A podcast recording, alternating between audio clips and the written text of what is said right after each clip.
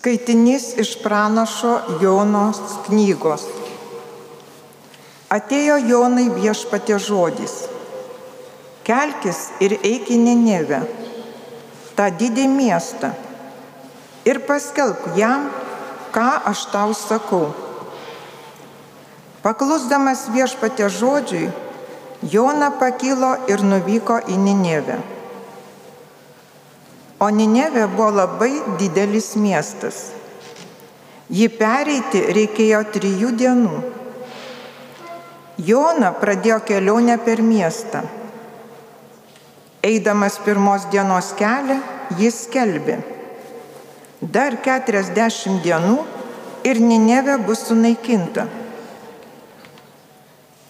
Ninevė žmonės patikėjo Dievu, paskelbė pasninką ir visi, dideli bei maži, apsivilko ašutinę.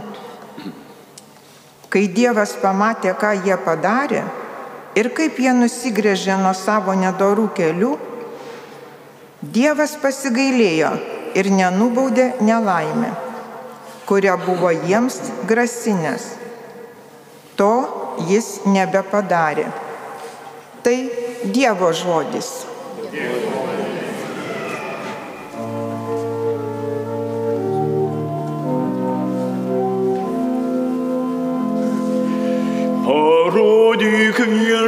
Viešpatie man savo kelią.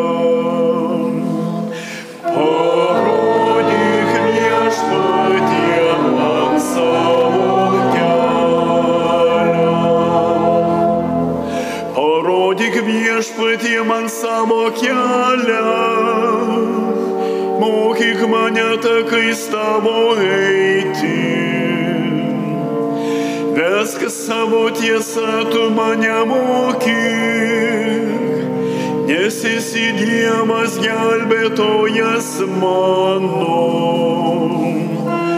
Parodyk viešpatie man savo kelią. Viešpatie neužmiršk gailestingumo ištikimosios savo meilės. Jie taip seni kaip laikas. Savo ištikimą meilę dėl savo gerumo. Viešpatie mane atsiminki.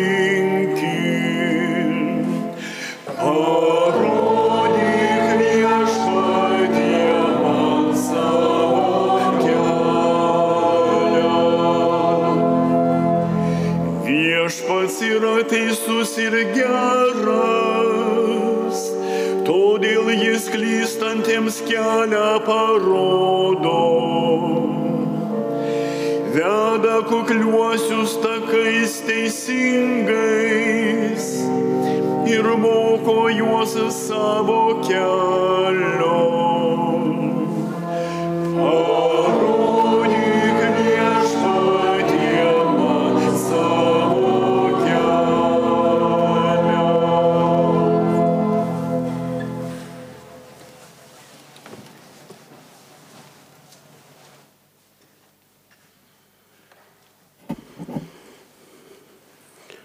Skaitinys iš Šventojo Paštalo Pauliaus pirmojo laiško korintiečiams. Sakau jums, broliai ir seserys, laikas trumpas. Belieka tiems, kurie turi žmonas gyventi, tarsi jų neturėtų. Ir kurie verkia, tarsi neverktų. Ir kurie džiaugiasi, tarsi nesidžiaugtų. Ir kurie perka, tarsi neįsigytų. Ir kurie užsijėmė pasaulio reikalais, kaip neužsijėmė. Nes šio pasaulio pavydalas praeina. Tai Dievo žodis.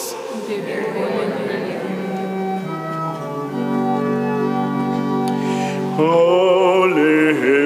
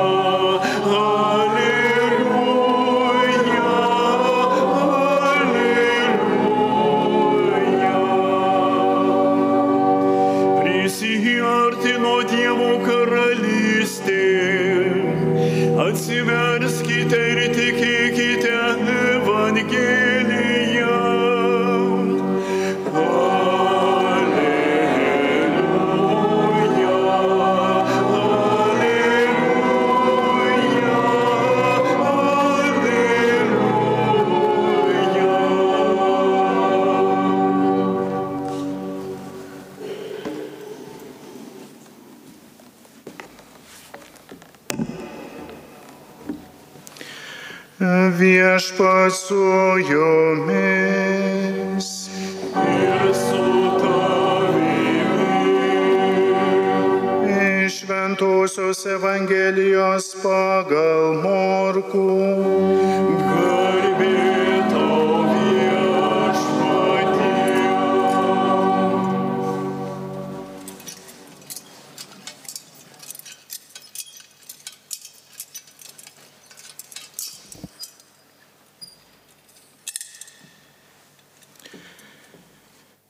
Kai Jonas buvo suimtas, Jėzus sugrįžo į Galilėją ir ėmė skelbti gerąją Dievo naujieną. Atėjo įvykdymo metas, Dievo karalystė čia pat. Atsiverskite ir tikėkite Evangeliją. Eidamas palei Galilėjos ežerą, Jėzus pamatė Simoną ir Simono brolį Andriejų, metančius tinklą į ežerą. Buvo mat žvėjai. Jėzus tarė, eikite paskui mane, aš padarysiu jūs žmonių žvėjais.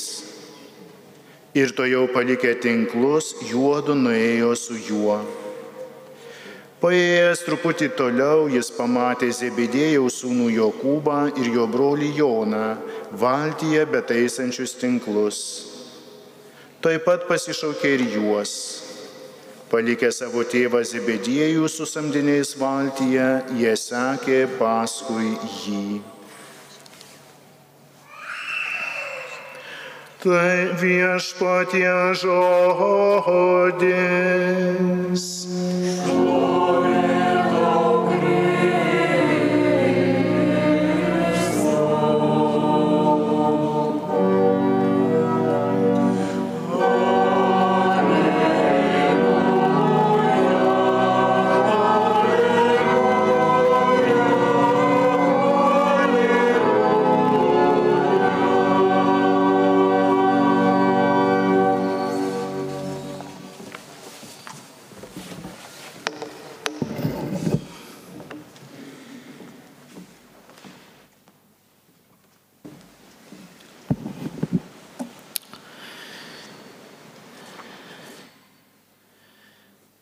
Taigi švenčiame trečiąjį eilinį metų sekmadienį ir šis sekmadienis popiežiaus Pranciškaus toks yra ypatingai priskirtas tai, kad jis yra vadinamas Dievo žodžio sekmadieniu. Ir kyla toks klausimas, o tai kai tai sekmadieniais nebuvo skaitomas Dievo žodis. Juk visą laiką yra skaitomas Dievo žodis ir atrodo, ir atrodo kažkaip kas čia tokio naujo. O yra šis tas tai naujo. Pirmiausiai yra visai krikščionių bendruomeniai, kuri susirenka ypatingai švęsti viešpaties dieną, mes esame sukviesti paraginti šventai dvasiai, veikiant paraginti, eiti ir švęsti viešpaties dieną. Ir atėję į bendruomenę mes švęsti šitą dieną, pirmiausiai Dievas mus kalbina. Tai va šventas raštas, kaip ir dažnai kas savo, kas yra šventasis raštas, tai jeigu trumpai vienu sakiniu pasakytumėm, tai yra Dievo meilės laiškas tau. Ne kaimynui, ne kokiam čia priešui mano, ar tas, kuris man nepatinka, kartais ir nepagal, nu gal šitą dalį sakyčiau, nu gal ta man patinka šventų raštų, tai man šitą labai gera. Ne, šventas raštas yra visas. Tiek senasis, tiek naujasis testamentas, jis yra Dievo laiškas tau. Tai nėra istorinė kažkokia tik knyga, įvykių surinkta kažkokio gražių įvykių, jie apie Jėzų surašyta kažkokia taip, kaip sako, kartais sakydavo pasaka kažkokia graži. Ne. Dievas kalba tau šiandieną. Kiekvienam iš mūsų kalba Dievas. Ir va čia ypatingai antrojo Vatikano susirinkimas, ypatingai Dievo žodį prilygino prie Kristaus aukos altoriaus. Ir kaip sako, va, ta vieta, iš kurios skelbiamas Dievo žodis, yra ambona arba sakykla, iš kuriomis iš čia sklinda Dievo žodis į bendruomenę kiekvienam mums. Na ir mūsų katedroje šitą amboną, amboną, kuri netaip seniai buvo irgi pašventinta, jeigu žiūrėsime čia priekyje, mes matome tą net vaizdą. Prie Jėzaus visi artinasi jo pasiklausyti. Čia tų daug įvairiausių žmonių pavaizduotų. Ir visi vieni sulaiko, kiti ten spraudžiasi, kiti nori išgirsti, kiti gal nori pamatyti. Tai va čia kiekvienas, va, būtų kaip gera, kad kiekvieną sekmadienį, kad mūsų katedra netalpintų žmonių. Visos bažnyčios turėtų netilpti, nes būtų per mažos, žmonės norėtų taip klausytis viešpaties, ką Jėzus nori pasakyti. Bet dėja, esam tie, kurie esame ir džiaugiamės, kad dar esame. Antra Vatikano susirinkimas norėjo išryškinti Dievo žodį dėl ko? Dėl to, kad Dievas kalbina, kaip sakiau, bendruomenę. Nes buvo manoma, kad Dievo žodis kažkaip nelabai yra reikšmingas. Nu, kažkaip tai va, kažkaip čia va toks, kažką paskaitom, kažką girdėjome, kažką negirdėjome, kažką supratom, kažką nesupratom. Tai tokia lyg tai nereikšminga mišių dalis. Ir dar anksčiau buvo toks sudėli, sudėliotas čia mitas, jau vakar tą sakiau, kad lygtai sakydavo, nu tai mišios galioja, svarbiausia, kad įpult į tam tikrą aukojimo dalį, iki pakilėjimo. Svarbiausia čia kažkaip įsprūkti bažnyčią ir mišios susiskaitys. Ne. Mišios yra nuo vardant Dievo tėvo iki palaiminimo. Tai yra visos mišios. Tai, ką darome, tai va čia dalyvaujame mišios. Nėra geresnės ar prastesnės dalies. Kita kartą, arba reikšminga ar netokia labai reikšminga. Visos dalys šventų mišių, kurios, kuriuose mes švenčiame, kurie esame, yra ypatingai, pirmiausiai tu esi, mes dalyvaujame Dievo pasimatymė, galim sakyti, su Dievu susitinkame. Čia vyksta gyvas ir realus susitikimas. Pirmiausiai, kai jis mus šnekina, mums duoda žinę ir dalyvaujame jo Kristaus kančios mirtyje ir prisikelime. Ir antrojo Vatikano susirinkimas daug įvairiausių dalykų peržvelgė ir parašė, buvo yra toks vienas dokumentas, jis, kuris yra ypatingai liturgijai skirtas, yra vadinamas Sakro Sanctum Concilium. Tai tas dokumentas labai aiškiai pasako, kas, kas čia yra, kodėl, kodėl mums čia yra labai svarbu. Taigi Vatikano antrasis susirinkimas per šį dokumentą sako, Sekdama apaštalų tradiciją, prasidėjusią pačiu Kristu, Kristaus prisikelimu, bažnyčia kas septintą savaitės dieną švenčia Velykų slėpinį. Sekmadienis pagrįstai vadinamas viešpaties diena Šią dieną krikščionys privalo susirinkti draugen, įdant klausydamiesi Dievo žodžio ir dalyvaudami Euharistijos lėpinyje, galėtų paminėti viešpaties Jėzaus kančią, prisikelimą bei garbę ir dėkoti Dievui, kuris atgimė, atgimdė mus gyvai vilčiai Jėzaus Kristaus prisikelimu iš numirusių. Todėl rūpinantis tikinčiųjų pamaldumu, sekmadienis tebūnie pabrėžtinai švenčiamas kaip pilna pradė šventė, turinti draugė tapti džiaugsmo ir polsio diena. Štai įvardyja šitas dokumentas, Hakrosantum Concilium, ką va čia viskas vyks, kas tas viešpaties diena. Na čia iš tikrųjų yra labai daug tokio gražios, šviesios minties, kad tai yra susirinkimo diena, kad ta septintoji diena, kad čia mus Dievas surenka, kad čia Dievas nori pasakyti kažką tai, kad čia Dievas mus nori duoti į gyvenimui prasidėjusiai naujai savaitai naujų jėgų, kad toliau galėtumėm keliauti per šitą galbūt kartais ir sudėtingo gyvenimo etap, etapais duotų štai iš kur tas šaltinis. Čia yra tas šaltinis, prie kurio turime eiti, kaip ir psalmė vienas sako, kai pelnė uodžia upelio, taip, taip, taip ir aš turėčiau to trokšti. Ir kodėlgi žmogaus gyvenime iš tikrųjų nėra to tokio didelio troškimo, kaip kaip galbūt buvo paštalais laikais ar kažkaip tenais kitai, kitokių laikotarpių, kas žmogaus gyvenime atsitinka. Pirmiausia, tai reikia tikėti Dievo žodžiu. Su Dievo žodžiu reikia melstis. Reikia melstis tiesiog šventas raštas tai yra kaip maldos vieta, kaip maldos momentai Ir čia iš tikrųjų ateina mums ir į pagalbą. Tikrai raginu, kurie jau tai darote ir tikrai darykite. Tai yra tam tikri instrumentai, kaip ir Magnificat knygelė, kaip žodis tarp mūsų žurnaliukas, ar kiti dalykai, kurie mums kiekvieną dieną mus tegul maitina, kaip ir vėl tas pats Sename testamente sako, kaip rasa krenta iš aukštybių į žemę, taip rasa juk nesugrįžta atgal jinai maitina žemę tam, kad duotų vaisiaus. Taip Dievo žodžiui suprasti reikalinga šventoji dvasia.